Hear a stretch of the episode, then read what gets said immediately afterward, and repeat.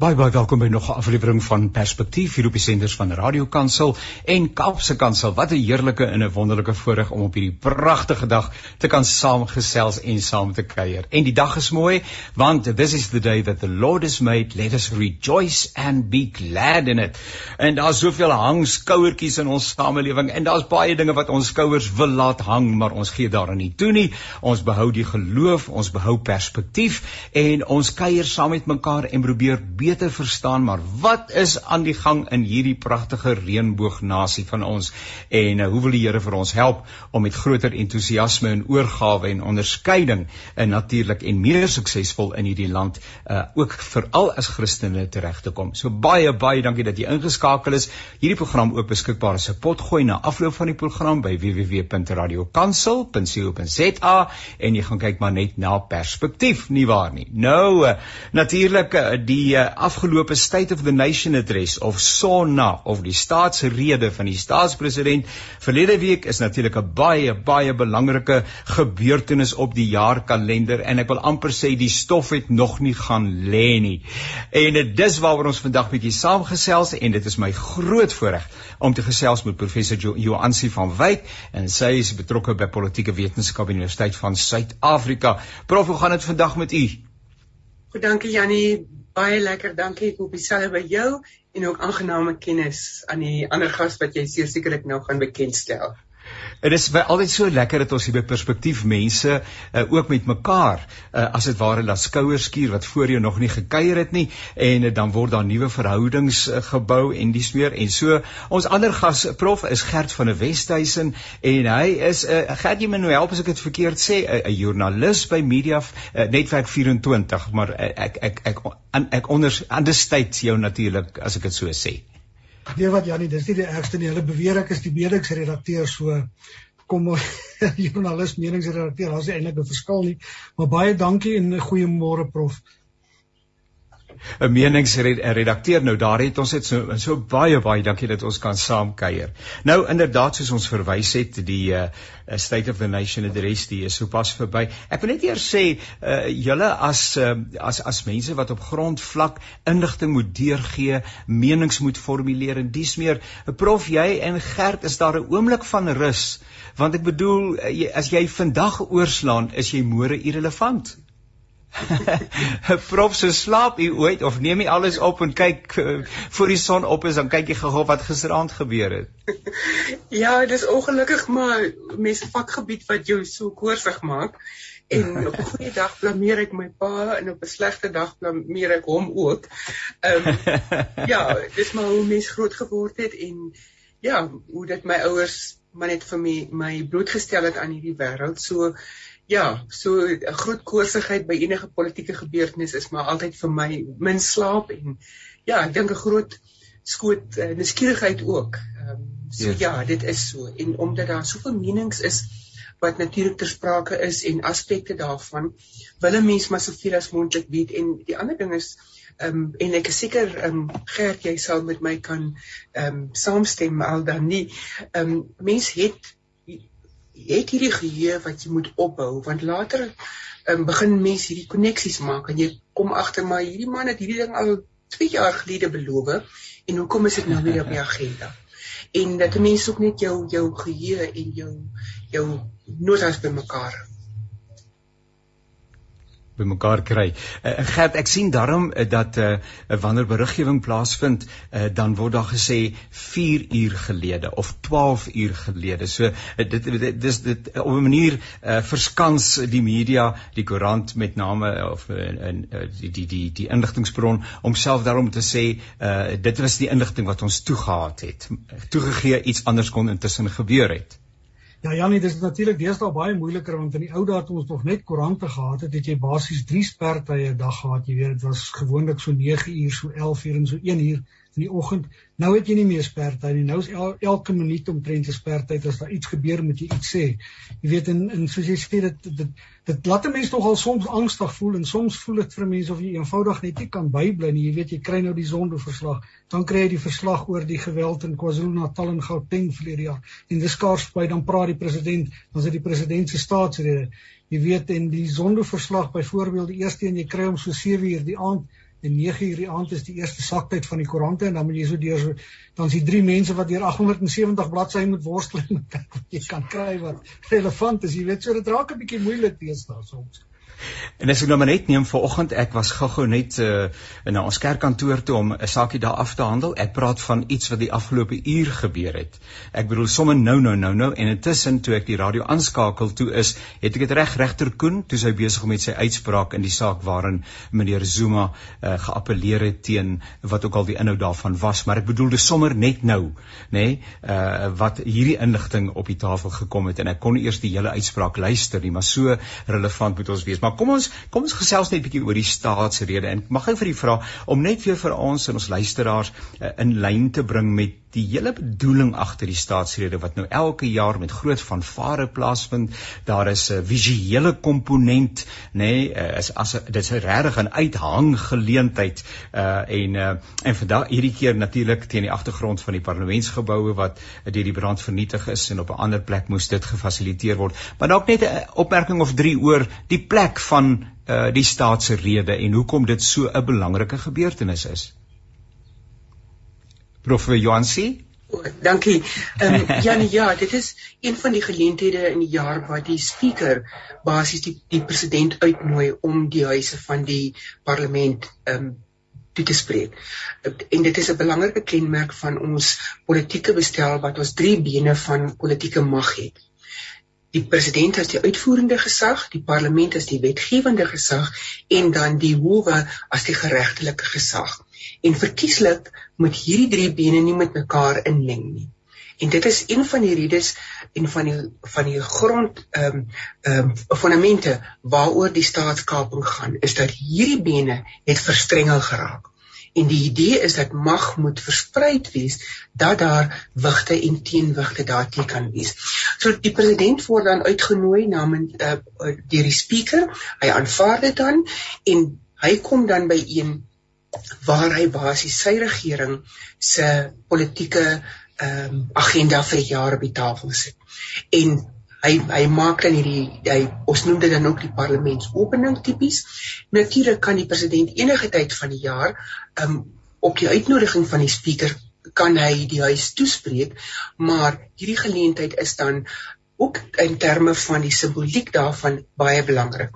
Dis 'n politieke ritueel die gebeure vooraf wanneer die president ehm um, die nasionale saluut aan ehm um, byvoorbeeld ehm um, aanvaar die die uh, wag ehm um, inspekteer dis alles goed wat ehm um, spreek ter erkenning van hom as die die sogenaamde commander in chief of as die hoogste gesagsvoerder en dan natuurlik binne in die huis waar die die spreker die verrigtinge lei, maar dan ook waar die twee huise van die parlement byeen is, sowel as die drie arms van die van die ehm uh, van die staatsmag en dan natuurlik dan die die groot gewag is wat gaan die president sê?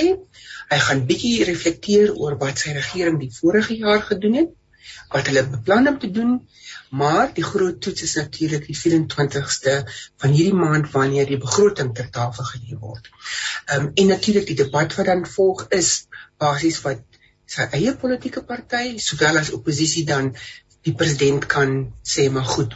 Dis wat jy sê ons het jou so min hier in die huis, nou gaan jy pa moet staan vir 'n klomp goed wat jy gesê het. En dit sien ons natuurlik die afgelope 2 dae en dan vandag, ek dink 2 uur vanmiddag gaan die president dan sy repliek lewer.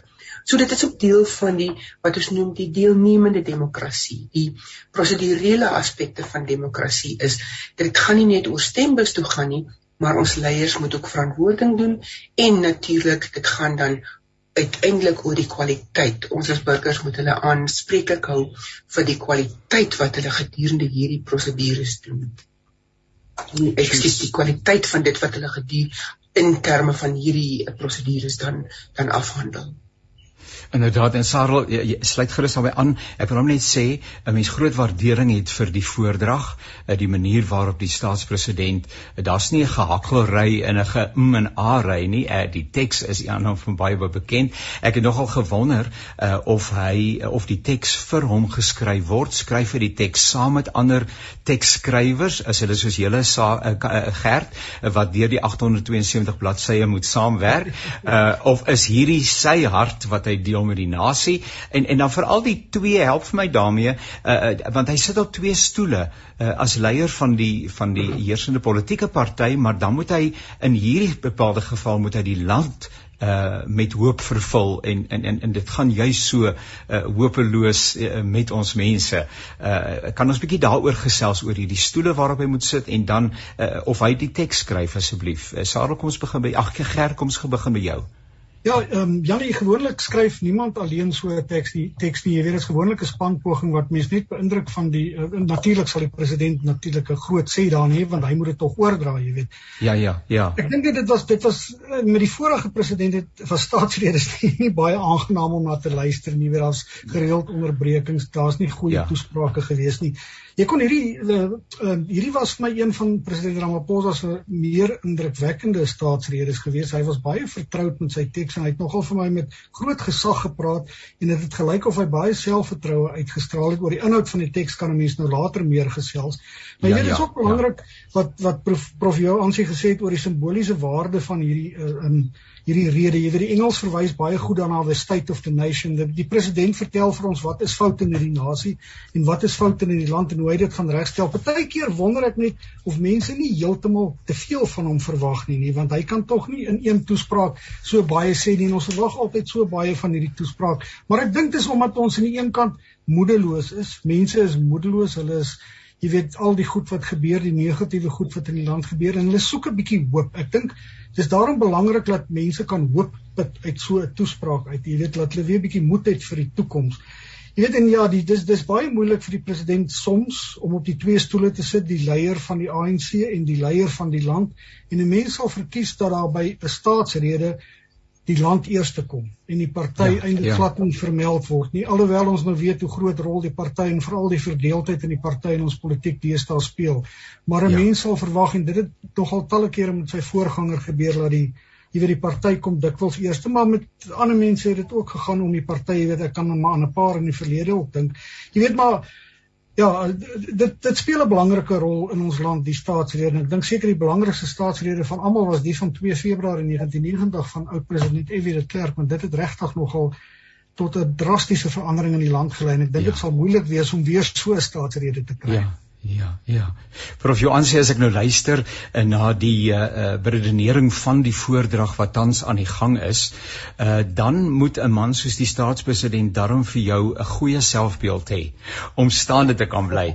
Nou, die verskillende sprekers verteenwoordigend van verskillende politieke partye, is hulle sommer uit huis uit moetswillig. Uh en is dit 'n geleentheid, 'n opportunistiese geleentheid waar met ander woorde daar eintlik meer selfbeeld en selfbevestiging op die tafel is? Ehm um, hoeveel hoeveel waarde moet 'n mens heg aan die goed wat daar gesê word? Ja, dankie. Ehm um, Janie, gaan met die geleentheid om net by Gert aan te sluit. Asseblief. Um, net net uh, rondom jou vraag oor die skryf van hierdie toesprake.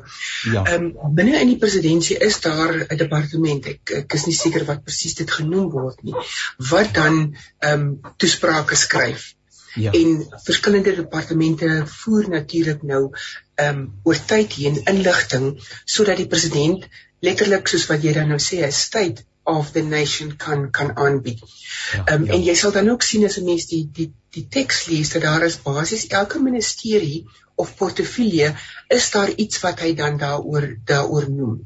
Ja, en dan ja. word dit dan nou kom ons sê dit in die in die in die in die politieke ehm um, raamwerk van ja. wat 'n mens tipies van die regering se toesprake sien. Bietjie 'n uh, eh, verwysing na die vervloë dae, een of ander ehm um, ehm uh, uh, uh, bevrydingsikoon wat erken word. Ehm um, mens kan self sê die erfsonde van apartheid word soms na verwys ja, en dan ja, ja. begin die regering. En en ehm um, so daar is 'n basiese planmatigheid wat 'n mens die idee kry van daar's 'n span wat hierop werk. Hulle moet sorg dat hulle toe die huis en die Unie gebou met mekaar praat en mense sien op die sosiale media dikwels fotos van die president wat deur die toespraak se tekswerk um, en wat so lekker is van argentifale navorsing is is as as mens byvoorbeeld kyk na toesprake die die verskillende weergawe waarop kommentaar gelewer is die klempunte wat die spreker gemaak het. So ehm um, ja vir vir my is dit nou altyd interessant hoe die die teks ook verander versag word versterk word. Maar goed ja oor die selfbeeld. Die president het inderdaad, um, ons weet dit is iemand na wie mens kan luister. Hy dwing baie gesag af. Hy het baie gravitas. Die manier hoe hy homself ehm um, ehm um, voordra, ehm um, dwing natuurlik baie gesag af. En soos wat Gert inderdaad genoem het, ehm um, daai daai ehm um, durf ek dit sê kinderagtigheid is nie ja. daar nie. Um, ja, daar's ja. erns waarmee hy praat en ehm um, dit is ook natuurlik 'n totaal ander persone waarmee ons hier te doen het. Ja. ja. En ehm um, tipe van 'n meer saakgeoriënteerde fokus en ek dink die die feit dat ons nie meer hierdie onderbrekings sien wat ons tydens die Zuma administrasie gekry het nie was ook miskien uh, toe te skryf aan ons president se is 'n verlede as 'n konflik uh, uh, beslegter. Deurdat hy ja, ja. gesê het ons moet die dekorum van die huis behou want wat in hierdie huis gebeur moet 'n refleksie wees van daar buite en andersom. Nou nou die die die die politieke partye, ekskuus ek praat nou baie lank, maar net om jou asseblief welkom uiteindelik te antwoord is oor praat oppositiepartye maar net omdat hulle in die in die oppositiebanke sit met ander woorde aan die linkerkant van die president in die huis waar hulle tipies dan nou sit en ons weet die huis lyk nou anders omdat dit in 'n in 'n ander gebou is. Maar wat dit gebeur is die politieke partye of dit sy eie party is al dan nie het 'n grondwetlike plig om die uitvoerende gesag verantwoordelik te hou. So of hulle saamstem al dan nie, dan moet verantwoording plaasvind. Nou goed, die regering en die president het die voordeel dat dis sy kabinet wat hy as saamgestel het, sy politieke party, maar die vraag is natuurlik is hy moet ook kan sê maar weet jy ek het hierdie goed verdedig. En die beste plek waar hy dit verdedig is aan die einde van die dag by die stembus, maar in hierdie 4 jaar periode is dit die verteenwoordigers van hierdie politieke partye as verteenwoordigers van die burgers aan wie ek verantwoordelik moet. Ja. Nou nou een van die sake wat dan nou uh, ewig gedebatteer word, ehm um, is die is die ehm um, ongeduld, ek kan nou nie dadelik 'n woord vorm nie, uh, met die president se uitspraak dat die privaat sektor verantwoordelik is vir werkskepping. Waarom is die saak so belangrik en waarom is daar soveel emosie daar rondom? Uh, uh, Gert, begin jy, dan gaan ons terug na Johansie toe asseblief. Ek wil net by die prof ook aansluit, jy weet die vorige president Ramaphosa se voorganger, daar was 'n baie daar was 'n groot mate van kinderagtigheid in baie van die toesprake en dit het 'n mens net baie meer mismoedig gemaak. Ten minste is president Ramaphosa baie meer presidensieel en jy voel as hy met praat of hy regtig nogal met jou praat en of hy, of wat in die land aangaan hom regtig interesseer en dat hy regtig dit beter vir mense wil maak. Maar ja, kom ons gaan terug na die privaat sektor. Jy weet, ek dink dit is maar baie ideologiese grondslaan hè. As jy kyk na die ANC se alliansievennote en die ANC se verlede in sekere opsigte, daar's 'n baie sosialistiese tipe van ehm um, ruimte wat hulle beklee het. En ek dink ook jy weet baie mense is baie skepties in die alliansie oor privatisering oor die privaat sektor. Jy sal ook nou sien hoe Julius Malema daarop gereageer ja, het baie ja, van ja. hulle baie van hulle wil eerder hê die staat moet alles doen. En dit is godsonmoontlik vir die staat hier by ons om alles te doen. Mense het dit gesien in die pandemie. Die staat ja. kan nie meer alles alleen doen nie. En ek het nou eendag ook gelees dat omtrent 80% van die mense wat werk het in die land jy weet is word deur die privaat sektor werk gegee en dis ja. baie belangrik as ons werk wil skep in hierdie land sal dit die privaat sektor wees. Jy weet die regering kan werk skep soos die president gesê het met groot infrastruktuurprojekte, maar dis werk van 'n tydelike aard dikwels en dit hou nie lank nie soos ons gesien het in 2010 met die wêreldbeker. So ek dink hierdie is 'n baie groot ideologiese stryd wat gestry word nog steeds. Uh, maar baie mense sê die regeer die die die president het regtig nou 'n soort van 'n streep in die sand getrek en gesê kyk hier's die probleme wat ons het ja, hier's die ja. oplossing. Ja.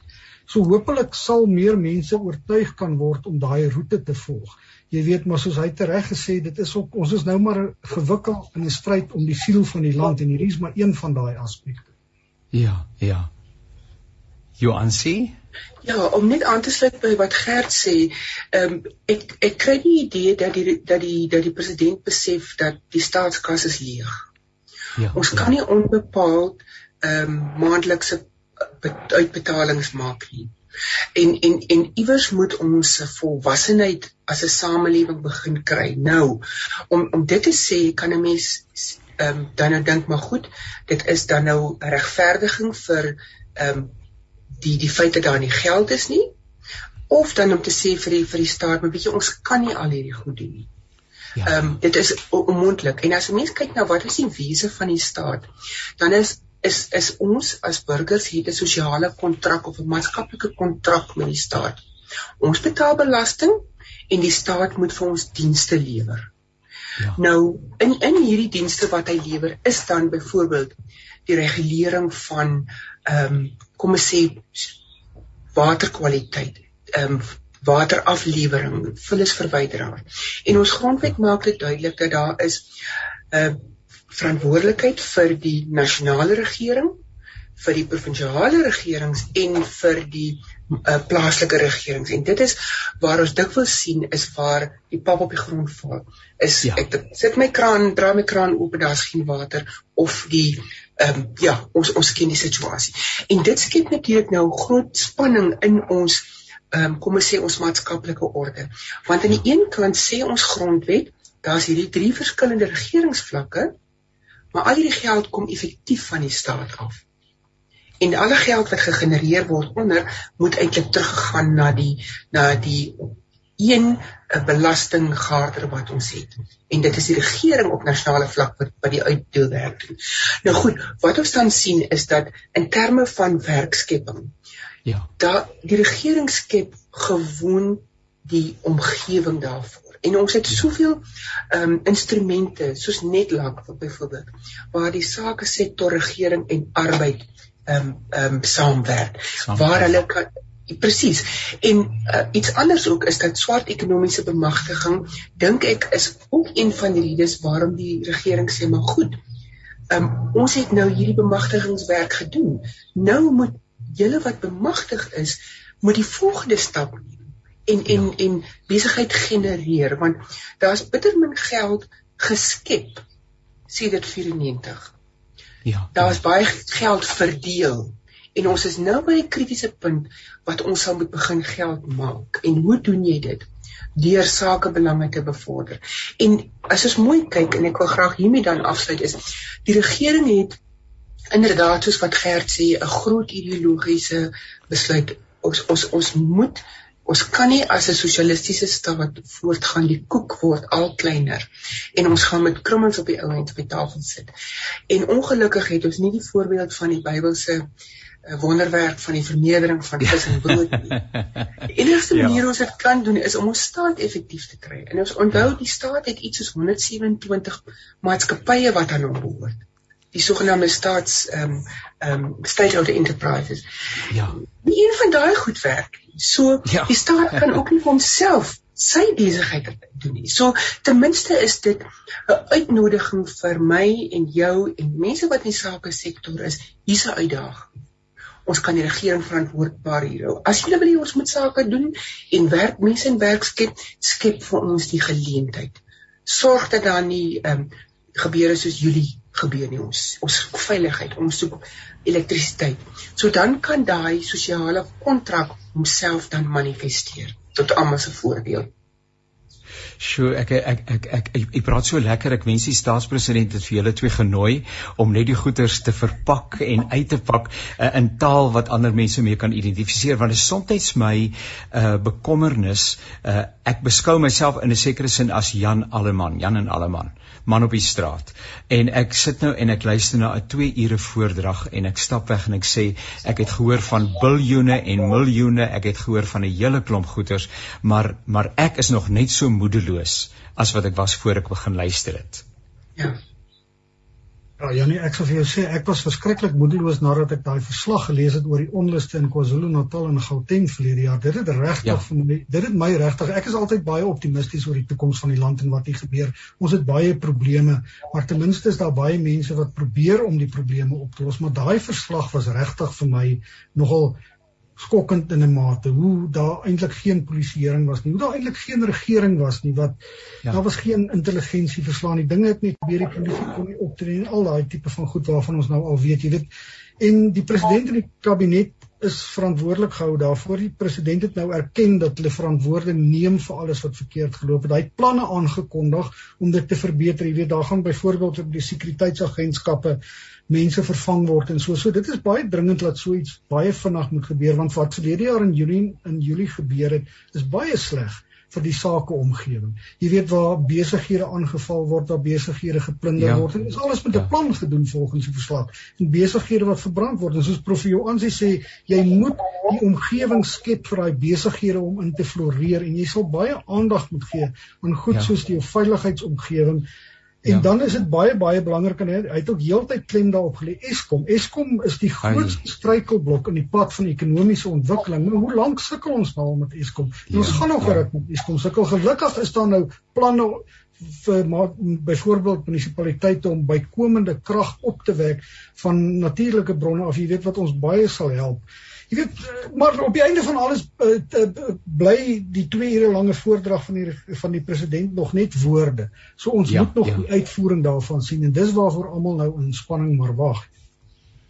Eh, Prof Johan sê ons ons tydjie loop uit ons het nog so 'n paar minute om te gesels en ek uh, ek ek is dis my so heerlik om saam met u gedagtes te wissel. Nou uh twee dinge wat my opgeval het. Uh die eerste een is uh meneer John Steenhuisen en die DA se opgewondenheid oor die oor die toespraak. Ehm um, wat hulle natuurlik ook opportunisties uh natuurlik gaan parkeer het vir hulle eie goeie werke. Uh die tweede is gisterand die opmerking wat ek gehoor het. Ehm um, en ek het dit tog weer verder opgevolg nie maar net dat die DA beoog om 'n mosie van wantroue in die kabinet te stel want dit sou en dit lyk vir my hulle sê maar meneer die staatspresident ons maak nou vir die deur oop om nou klaar skoon te maak en van vooraf te begin. En natuurlik uh, uh, wil hulle self ook die pleintjie in die hoed gee. So kan ons 'n bietjie gesels oor hierdie interessantheid wat daar uitspeel. Asseblief uh, jo prof. Johan sien Ja. Ehm um, Janie baie dankie. Weet jy voor ek dit antwoord, ekskuus, kan ek net vir iemand soos Gert, Gert jy en jou kollega, jy en jou kollegas. Ek laat ek dit net sê dankie vir die werk wat julle doen. Want julle het 'n vermoë om daai 2 ure se toespraak ja in baie aptydelike inligting en insig vir die res van ons te verdeel. En en ek dink ons gee ook nie genoeg erkenning daarvoor nie. So laat ek dit asseblief die geleentheid gebruik maak daarvoor. Ja, baie baie dankie daarvoor. Goed. En en en met ander woorde en om net op aan te sluit is dis die vierde been van die sosiale kontrak is die vrye media wat ja. sonder ja. vervolging en soos wat in Engels sê without fear of favor Ja. die inligting kan vertel. Nou goed, terug by meneer John Steenhuisen. Kyk, hierdie moet mense onthou, dit is nou ek soek die Afrikaanse woord grandstanding. Ja. Dis nou ja. die die een keer dat onthou ook ons moet onthou dat politieke partye het word tyd toegedeel volgens die proporsie van hulle verteenwoordiging. Ja. So hoe hoe groter oppositie jy is, hoe meer tyd het jy om te praat. So ja. wat doen jy in daai paar minute wat jy het? jy gaan vir die meeste um, impak. En die ander ding is en dit is kritiek teen president Mandela en eintlik ook uh, uh, Ramaphosa is en sy voorgangers tot by Mandela is ons presidente verskyn te min voor die parlement. Um, as jy mens ja. kyk byvoorbeeld die Britte het die het die uh, gebruik van prime minister's question time. Ek dink dit is Dinsdae middag. Ja. Ehm um, Letoile huis vergader meer as wat die kabinet vergader, as wat die president voor ehm um, die parlement verskyn. So wat nou moet gebeur is die DA en die oppositiepartye moet nou terwyl hulle die president se aandag het. Moet onthou die president het 'n parlementêre verteenwoordiger wat al sy sake daar behandel. Ja, maar ja. die tyd wat Steenhuisen se gewone boodskap op 'n gewone debat by die president uitkom, is dit so telefoontjie speel. Ja. Is die boodskap raak effe weg. En ja.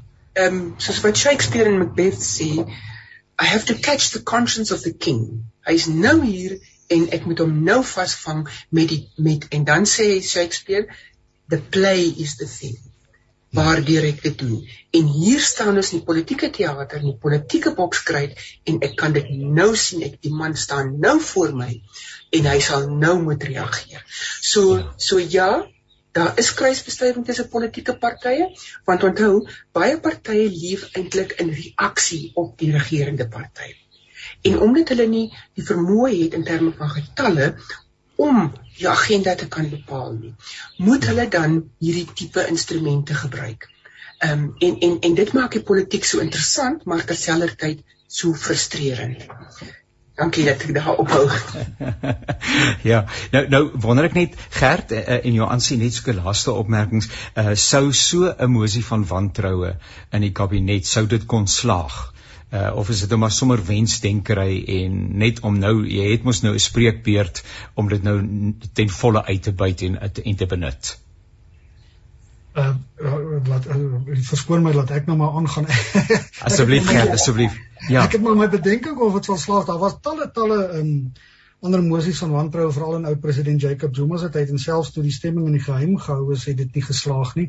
Jy weet so ek dink ek dink dis ook maar deel van die politieke speletjie wat jy speel. Jy moet dit doen. Ek wens baie keer net regtig ons het 'n baie sterker oppositiepartye gehad, baie sterker oppositiepartye gehad wat baie meer kan saam staan en die regering baie meer verantwoordbaar kan maak vir sekere dinge wat hy aanvang. Maar ek ek, ek twyfel dat Prof Johan se sal dalk beter weet, maar ek twyfel of so iets sal slaag want um, ja, ek weet nie of die EFF saam saam met uit begin sal ja. nie saam ja, met die ja. stem nie. Die ANC sal ook nie saam met die DA stem nie. So ek twyfel of so iets sal slaag.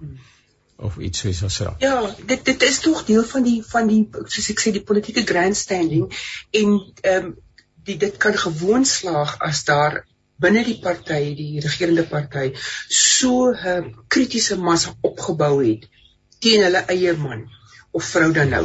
En ek dink hulle sal eerder die die pangas binne die party wil swaai ja. as wat hulle dit in die parlement wil swaai.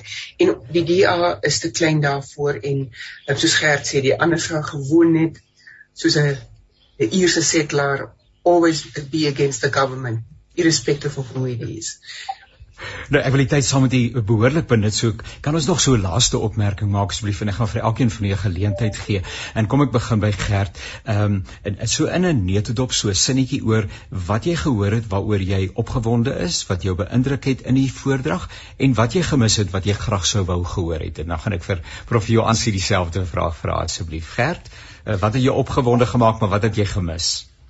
Ja nee, ek was nogal opgewonde want die president het reg aan die begin gesê weet ons het seker die wonderlikste grondwet in die wêreld wat nogal vir my 'n vingerwysing was na die talle aanvalle wat uit uh, sy eie party se geleedere teen die grondwet gedoen is.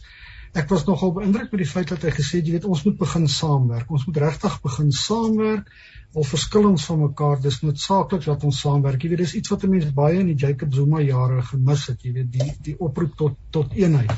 Dan ja, was ek ook ja. beïndruk anders as in die Zuma jare erken hy sy foute en die regering se foute. Jy weet dit is belangrik dat 'n mens voor jy kan begin werk aan probleme, moet jy daarom eers erken jy het 'n fout gemaak. Ja, jy weet, ja. so dit is belangrik vir my. Jy weet wat 'n mens graag sal wil hoor dit 'n mens sal jy weet as daar word nou gepraat van baie regulatoriese goed wat totvaar gaan word. Baie mense sal sê jy wil graag hoor daar moet een of ander tyd 'n plan gemaak word met swart ekonomiese bemagtiging byvoorbeeld. Daar moet 'n plan met kaderontplooiing gemaak word. Jy weet ja, daar is gesê ja. reeds dat munisipaliteite sal voortaan net vaardige mense aanstel. Het dit al gebeur? Het dit nog nie gebeur nie? Weet maar oor die algemeen ek sien dat die die die die toespraak is baie negatief ervaar in sekere kringe onder meer Mondli Makanya die direkteur van City Press het die naweek nog dus aanval op die president geloos wat hy gesê het dis 'n non-existent president hy doen nie veel nie anders as sy ja. voorgangers nie maar ja. die um, ek moet sê die die die die die toespraak het my 'n klein bietjie bemoedig nogal Gert van der Westhuizen is die meningsredakteur by Netwerk 24. Gert, baie baie dankie vir jou deelname en ons gaan graag weer saamkuier in die toekoms. Uh Prof Joansi, ehm um, wat het jou bemoedig ja. en wat sou jy graag uh, wou voorstel? Ja. Jy het die e-pos gestuur, maar dit het nie daar uitgekom nie. Ja, ja, ja. Ehm um, ehm um, Janie soos wat ons in die begin gepraat het, die gravitas waarmee dit gelewer is, uh, die president het vir my moeg gelyk, maar ek gee vir hom 'n um, erkenning daarvoor dat hy het 'n baie moeilike boodskap op 'n baie moeilike tyd gebring. Die die die klagstaat teen hom soos wat Gert genoem het, die Julie verslag as ek dit sou kan noem, ehm um, is sowel as die die ehm um, die Zondo verslag ehm um, is is twee slegte klagstate teen hom. Maar ek ja. wil hom gelukwens met die met die omvang van die planne wat ter tafel gelê is. Ehm um, natuurlik, hy sê 100 dae sal ons dit moet moet doen en ehm um, ek ek is opgewonde daaroor want sal, sal ons dit kan regkry, gaan ons al klaar ehm um, binne die maande 'n vers, verskil kan sien. Maar ek dink ons ons moenie vergeet vir die keiser te gee wat hom toekom nie. Ons moet hierdie man se hande hoog hou soos ons Moses se moes gedoen het en ons moenie vergeet dat dat hy in hierso praat ek nou in my persoonlike oudanigheid nie as ja. akademikus ja. nie. Ons moet vir ons regering bid Janie. Ons doen dit nie en en dit is belangrik dat ons ook die werk wat hy op die tafel gesit het dat ons dit ook aan die Vader se opdra. Nou daai baie baie belangrike noot uh deur uh, professor Joansie van Wyk uh moet ons dan hierdie gedeelte van ons program afhandel. Ons gaan nou uh, met uh, Darius Kokemoer gesels en hy gaan van ons een en ander vertel oor die werksaamhede van die Association of Christian Media. Maar ek wil net baie baie dankie sê vir Gert en vir prof Joansie. Dit was 'n heerlike voorreg om saam met u te kuier uh en is altyd 'n leersame ervaring. Seënwense vir die werk waarmee u besig is. Groot waardering uh, vir die leiding wat u ook vir ons gee en uh, tot 'n volgende keer wat u betref alles wat mooi is. Baie dankie. Dankie Gert. Aangenaam. Ja, dankie ja. Janie. Dit was lekker. Dankie, dankie Janie. Nou ja, ja, so gesels uh, so gesels uh, Gert van der Westhuizen. Hy's meningsredakteur by Media 24 en professor Joansie van Wyk en sy is natuurlik 'n politieke wetenskaplike by die Universiteit van Suid-Afrika. Uh jy luister na die programme van Radio Kansel. Hierdie program se naam is Perspektief. Ons kuier 'n bietjie saam oor die dinge wat in die samelewing gebeur, wat ons lewens as Christene raak en die vraag is met ander woorde, hoe wil dit ons verstaan van hierdie wêreld en ons rol daarbinne wil dit komplementeer en wil dit aanvul en wil dit met ander woorde vir ons meer inligting gee waarmee ons kan werk. Radikale staan nie noodwendig in vir die uh, menings wat uitgespreek word in hierdie programme nie, uh, maar die bedoeling is die inligting word deurgegee sodat ons uh, luisteraars uh, met ander woorde meer inligting het waarmee hulle kan werk en dit is 'n heerlike voorreg om op hierdie wyse ook die program te mag fasiliteer. Nou ek gesels nou met Darius Kokemoer en hy's een van die raadslede by die Association of Christian Media. Nou Darius, uh, kan ek net eers hoor hoor ek jou. Hallo Darius. Goeiemôre Dominee Jannie. Baie goed om hier te wees uh, Darius, now usually we have the cameras on and we can see one another, which makes it so much more personal. But for yes. some reason, my instrument decided this morning that the camera is not working. Perhaps I haven't combed my hair or something is wrong, and I'm just being I'm just being uh, uh, complimented in that way. But nevertheless, I can see you, and I'm very thankful for the opportunity. So do excuse that uh, it's a little bit impersonal, but I know you as a person also, yes, and it's sir. really uh, wonderful that we can interact with one another in this way. Now, uh, Darius, can we start with uh, you are involved. You are one of the um, raadslede. What would that be? A council member? A board uh, member, a, yes, sir. A board member of the Association of Christian Media. Uh, so naturally, the first question would be who and what is the Association of Christian Media, and what is what is its mission? Great. Um, I think um, the name says it all. It's uh, literally an association for all Christian media, not only in South Africa, but Africa as a whole. Um, and the mission for the ACM, um, or the Association of Christian Media, is to inspire, serve, and to support Christian media in Southern Africa. The ACM strives to foster efficient, effective, and sustainable Christian media organizations and a greater representation of the Christian worldview in secular media. Something that you do very well, Dominique, and I have to commend you on that. Um, the ACM's ultimate vision is to communicate the gospel message of hope so that people can come to faith in Christ in communities that are transformed. Sure, uh, uh, that's a wonderful mission statement and such a uh, enormous task and such a very important task that the Association of Christian Media uh, undertakes. Uh, uh, media is a very comprehensive and inclusive term, but it may also exclude. So, so when we talk about media, who is included? who are you addressing, and who is being invited to become part of this whole endeavor?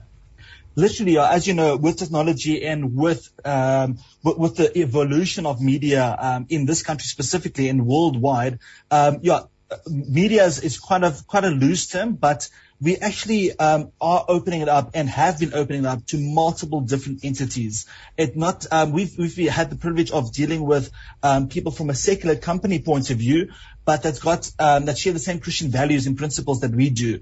You don't necessarily have to belong to a Christian entity or a Christian organization to be able to be a part of the ACM, because the ACM strives to do better in the communities that we represent and that we actually operate in. So um, yeah, media in the form of print media, all the way to actual churches, um, to businesses that is owned and operated by Christians that work within the organization. Um, it's definitely not limited or exclusive um, in that effect. It's just terminology, it's just naming. But yeah, with the evolution, um, we are definitely very much open to to work with and to empower anyone that's um, that is interested in doing the work that that they do and that we do together. Because we two or more agree in His name, yeah, it shall be. Yes. And in a certain sense, all of us are part of the media because we exchange ideas, uh, we broadcast through our lives and our actions and everything that goes with that. But I also understand you can't include everybody, so it is, in other words, in a sense, organized media, whether it's the newspaper industry, whether it's television, whether it is, well, social media is one very, very important uh, part of it. I was just thinking while I was talking to you that the media has a tremendous responsibility to be uh, people of integrity, to be an institutions of integrity.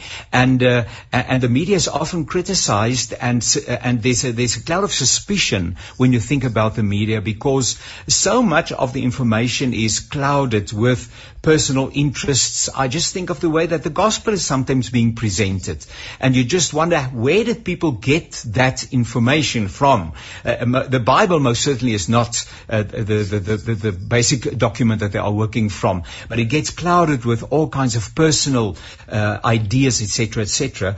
Uh, and then we live in a time where, where fake news uh, surfaces every day, and you have such a problem just to discern what is fake and what is reality. You want to say something about that? And you also, also are also involved not only with Christian media, uh, the association, but you're also with a very important and very significant and, and, and well-known uh, Christian television broadcaster. So you are being confronted with the very same uh, thing. And uh, on a daily basis, I would imagine as program material come on the table and you have to decide whether this is broadcastable, if I can use the word or not, uh, that's a great responsibility.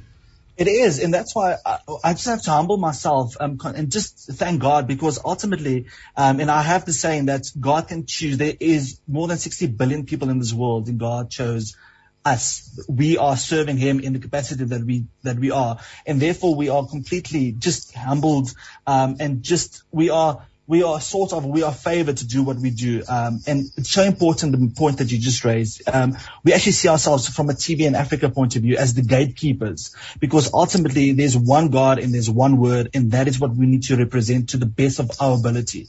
So much so that we've got a whole review process in place, um, not only for TV in Africa, but um, uh, there's a lot of Christian organizations that, that follow the same um, standard, but we've got a quite a, um, a meticulous review process all the way from theology all, and to production to make sure that the message that we send out and that we stand by that we broadcast on our platform does not put our faith um, into disrepute. Um, we need to, like I mentioned, we need to represent God to the best of our abilities because it's through Him and only through Him that we are able to do what we do, and it's to glorify Him at the end of the day because yeah, our God lives forevermore. Now, Radio Pulpit also plays a significant part in the Association of Christian Media. It is Thank a you. very important role player and a lot of input that comes from their side. Uh, uh, referring to the media relevancy is extremely important because I was just uh, uh, interviewing, if I can use that word, to other people. We were, sp- we were speaking about the political uh, platform, what is happening in South Africa, and how news develop uh, almost from moment to moment, from from minute to minute, and you need to be relevant. And I think that is one of the um, the issues that we may have with the church. And I'm just speaking from a place of solidarity, uh, and I also know that it's a tremendous challenge. But to be relevant to what is happening uh, in this country. So we've just had in the last week or two, we have we've had the State of the Nation address, uh, and so uh, the church, uh, Christian media, uh, ha- if if they want to be relevant, in a sense, they have to to take that into consideration and unpack what the implications are of that particular address for us as Christians. Uh, so, so that is a huge responsibility. Uh, so how do, how does the Association of Christian Media go about to help, uh, the, the different media houses, if I can use that word, to be relevant to what is actually happening, uh, in, in the lives of people? That's it. Yes, um, Juliana, that's a very good question as well because as the ACM, we literally strive to make sure that we are relevant with that we are current, especially with the trends. Um, and it's through that um, foundation that we as the ACM offer quarterly workshops or training series to equip all organizations, not just Christian media, but all organizations um, to the best of our ability to make sure that they are aware of what's happening, of the transform um, transformation that's going on around us, um, without us being left behind. Because as Christians, we are leaders. We do not follow the law, um, the world, but we lead by the Lord's example. Um, and just through that type of thing, um, uh, we we do empower our constituents, our members. Um, and just for example, um, in next week Thursday, uh, we've got um, a workshop uh, being presented by Brenda Uyubuntu called Simple but Salient, things that um, you can change to boost your listener support. And that's just yes. um, it's, it's about um, she's a fundraising expert, but it's to see how you can connect with your listeners and see how they, you can boost your financial support to continue the work that you do. The other great thing um, as well, and this is from a practical point of view, is that we've got Trevor Lachransi on the 2nd of March, and he will speak and train us, our members, on how to create a successful radio license application. This is obviously one thing that a lot of people are wondering about, um, yes. trying to get through the CASA systems um, and through the processes, but we yes. actually can call on to experts that's been in the field that actually does this day by day and let them present a very effective one hour, one and a half hour workshop to properly inform members, but also give them a platform to connect with them afterwards. So it's not just after one and a half hours of meeting or sitting in the workshop that you are left to go on about your business. We are actually a family, whereas if there's any questions afterwards, we connect one another to each other so that we can be sure that um, the work continues being done and that we are there as a support system going forward as well. I really must uh, must uh, compliment the Association of Christian Media in that regard. That uh, it is an organisation uh, that is very very alive. It's alive and well. It is functioning. There's not a day that goes by that some useful information is not forthcoming from uh, the offices of uh, of the Association of Christian Media, and and and wonderful opportunities are being presented. One of those opportunities and and events is the the yearly conference that is presented. And now, uh, please help us with some detail regarding this year's conference, uh, the theme, if there is a theme, etc., etc., please.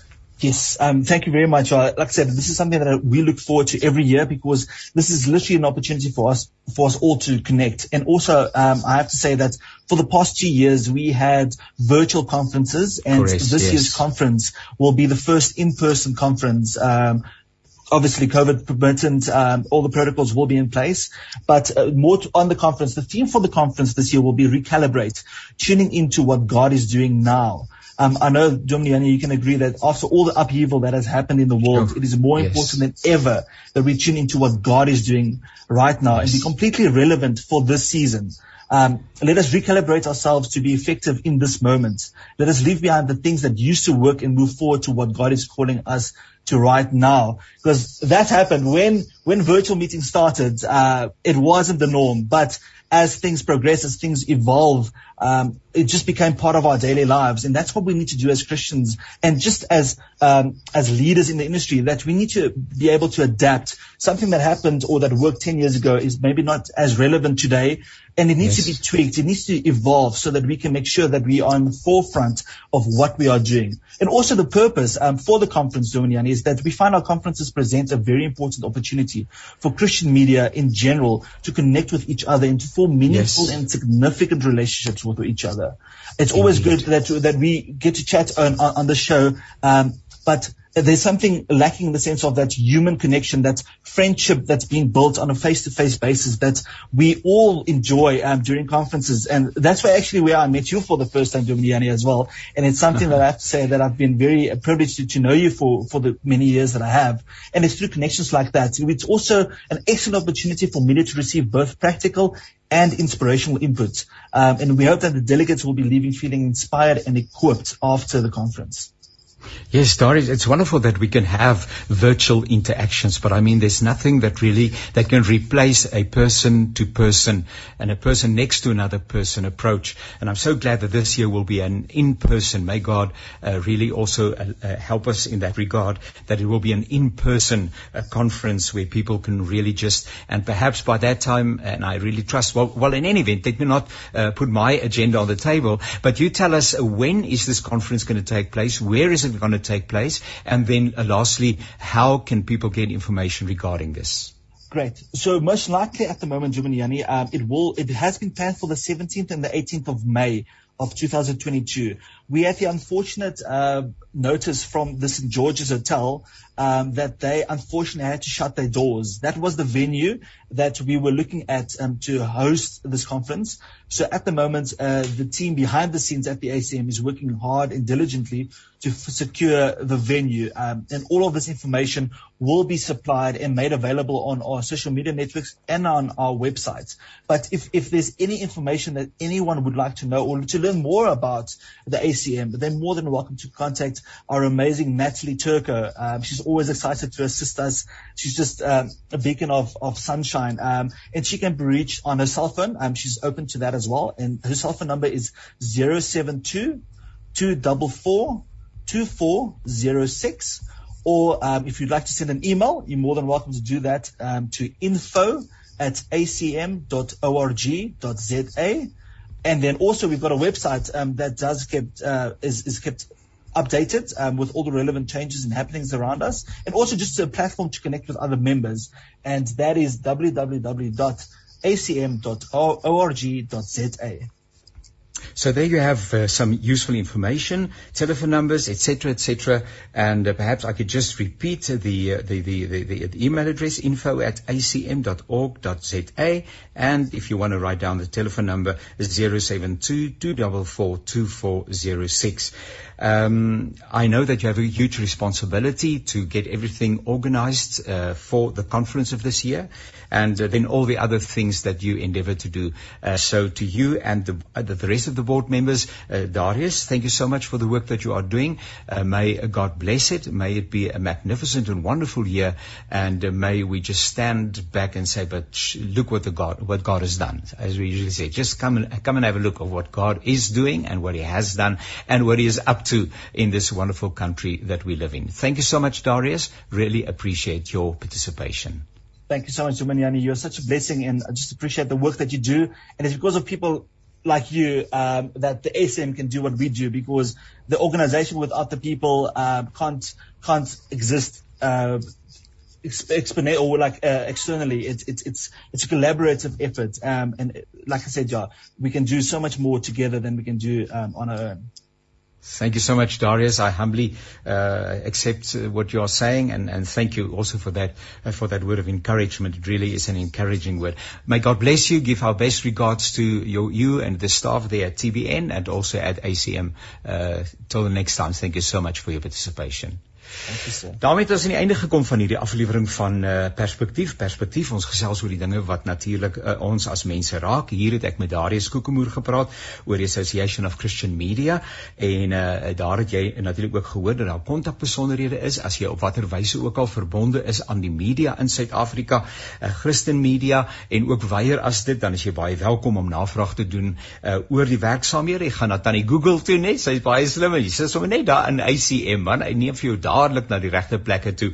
Maar andersins kan jy 'n briefie skryf aan info@acm.org.za en jy het ook die inligting daar raak gehoor. Baie dankie ook aan uh, ons ander gaste wat deelgeneem het aan ons program en waar ons saamgesels het oor the State of the Nation address. Dit was natuurlik Gert van der Westhuys en professor Joansi van Wyk. Baie dankie ook aan Woesie wat vir ons die tegniese versorging van hierdie program behartig. Uh, ons kuier by 'n volgende geleentheid weer saam met mekaar. Tot dan alles wat mooi is.